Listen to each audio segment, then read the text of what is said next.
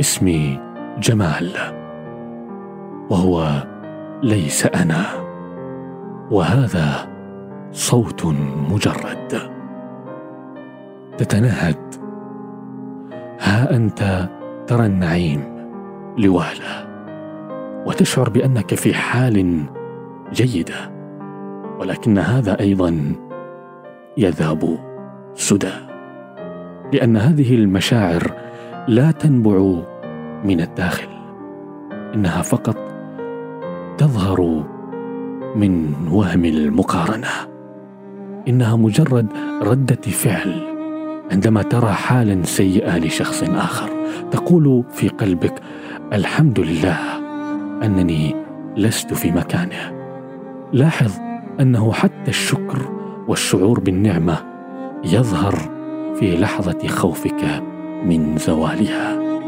لا يزال الخوف يتحكم بتذمرك وبشكرك.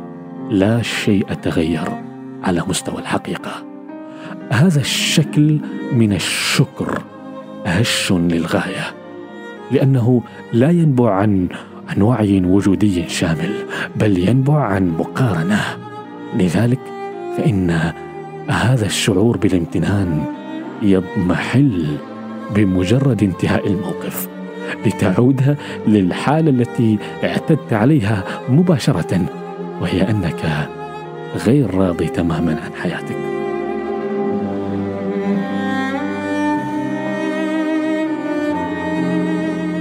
المال الجمال البيت حتى الدين وفعل الخير والأخلاق كل شيء في حياتك لم ينجو من جحيم المقارنة.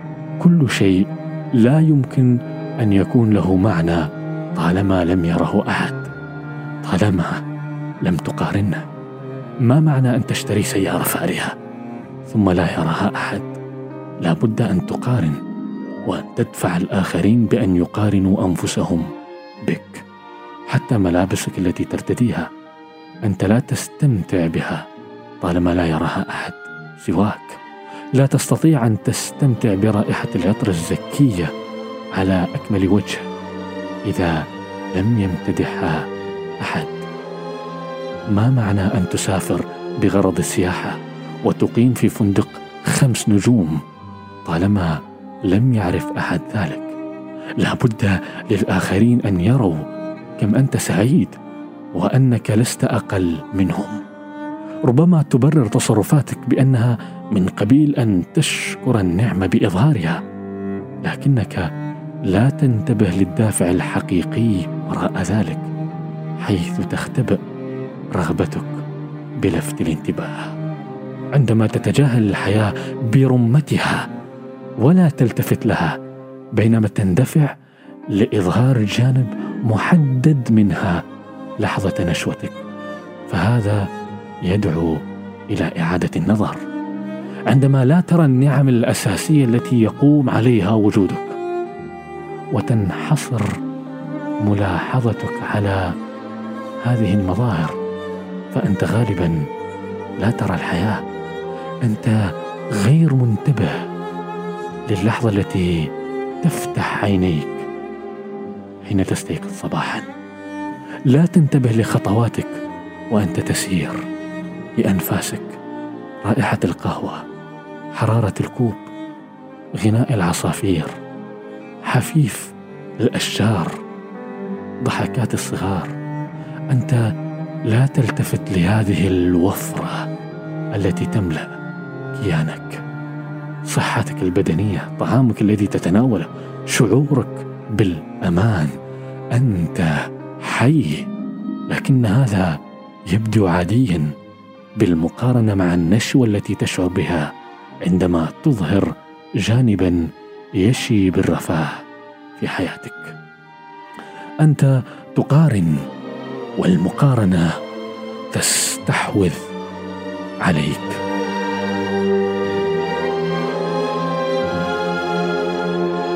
تذكر أن هذا الصوت لا يدينك ولا يريد منك أن تغير سلوكك الخارجي. إنما يدعوك إلى أن تنتبه لعالمك الداخلي وانت تمارس بشريتك. عندما تمارس بشريتك بوعي فإن السلوك سوف يتصحح تلقائيا. المقارنة العمياء هي التي تخلق المنافسة الوهمية في حياتك على المستوى السطحي. يمكنك بسهولة تبرير هذه المنافسة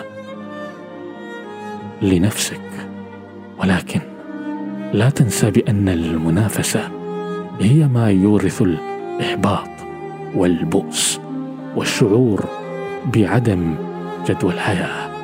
لقد أقحمت نفسك في منافسة كلفتك الكثير من طاقتك وعمرك.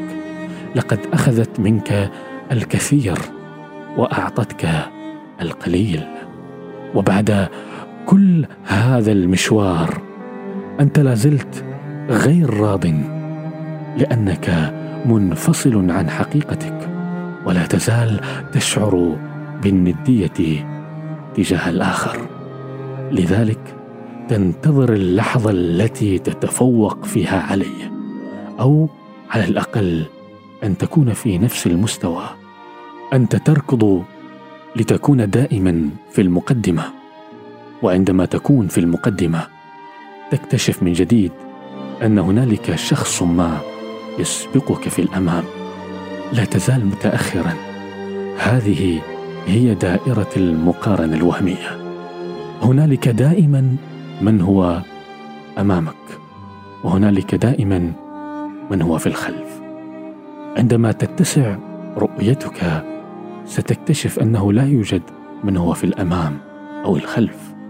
الأشكال تسير في مراتب وجودية مختلفة. الصورة الكبيرة للحياة مكتملة.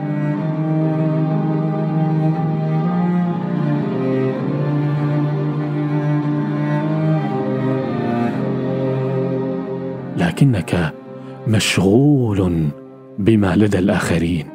تشعر دائما بأن ما لديك غير كاف. كل قراراتك المالية تقريبا مبنية على المقارنة. الجميع يفعلون ذلك. ثم ضغط اجتماعي كبير يمارس عليك. لكن في النهاية أنت المسؤول عن حياتك. عندما تكون حياتك عرضة للمقارنة فهذا يعني أنك لن تكون مكتفيا ابدا. أنت في سباق مع الآخرين. تلك المنافسة التي تستهلكك من الداخل في سبيل أن تكون بالمستوى المطلوب. إلا أنك لن تكون في المستوى المطلوب ابدا. هنالك دائما نجاحات عليك أن تحققها. أشياء عليك أن تقتنيها. أفكار يجب أن تتبناها حتى تكون في حال ملائمة. وعندما تنتهي من فعل كل ما هو مطلوب مرة أخرى تجد أن هنالك من يتجاوزك. في المقارنة تجد نفسك دائما متاخرا عن الكمال لأنها تجسيد مثالي لعدم الثقة بالنفس. عندما تقارن نفسك فهذا يعني أنك غير واثق من وجودك. هناك خلل في مفهوم الثقة بالنفس وتحقيق الذات. الشخصية التي وضعت نفسك بها هي نتيجة سلسلة طويلة ومعقدة من المقارنات الشعورية واللا شعورية. أنت كومة من الطموحات والتصورات ومشاعر عدم الرضا. التي التقطتها من الخارج. أنت تتدحرج ككرة الثلج. يزداد حجمها شيئا فشيئا دون أن تدري.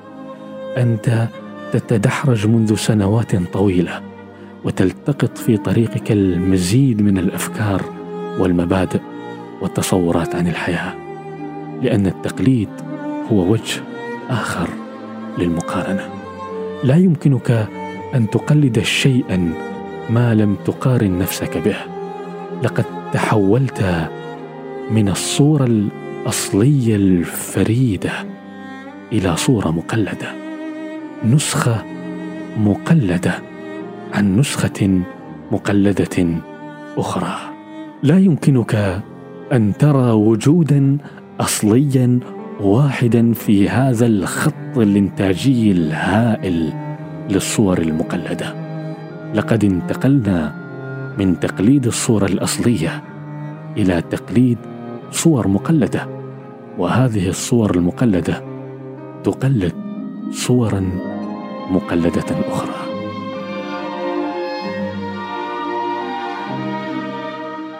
المقارنة ترهق كاهلك في سبيل أن يكون شكلك ملائما. لا أحد يهتم لمشاعرك ولا لراحتك ولكنك تهتم لما يريدون. أنت بحاجة لأن تكون متوافقا مع القالب الذي وضع لك. عندما يهتز وعيك الداخلي تهرب إلى الخارج فتفقد حالة التوحد مع الأشياء وأشكال الحياة. ستكون منقسما وستنتقل من الحياة كوجود إلى الحياة. كتصور ستحاول جاهدا أن تجمع نفسك ولكنك ستبقى منقسما بين الأشياء والأفكار والأشخاص. أنت تنتظر كلمة طيبة تنتظر أن يمتدحك أحدهم. أو أن يبارك لك. حتى عندما تقوم بعمل جيد فأنت تنتظر أن يقول لك أحدهم شكرا. تنزعج كثيرا عندما لا تتلقى الشكر. بينما هنالك من يسلبك مجدك ويحظى بكل الاهتمام.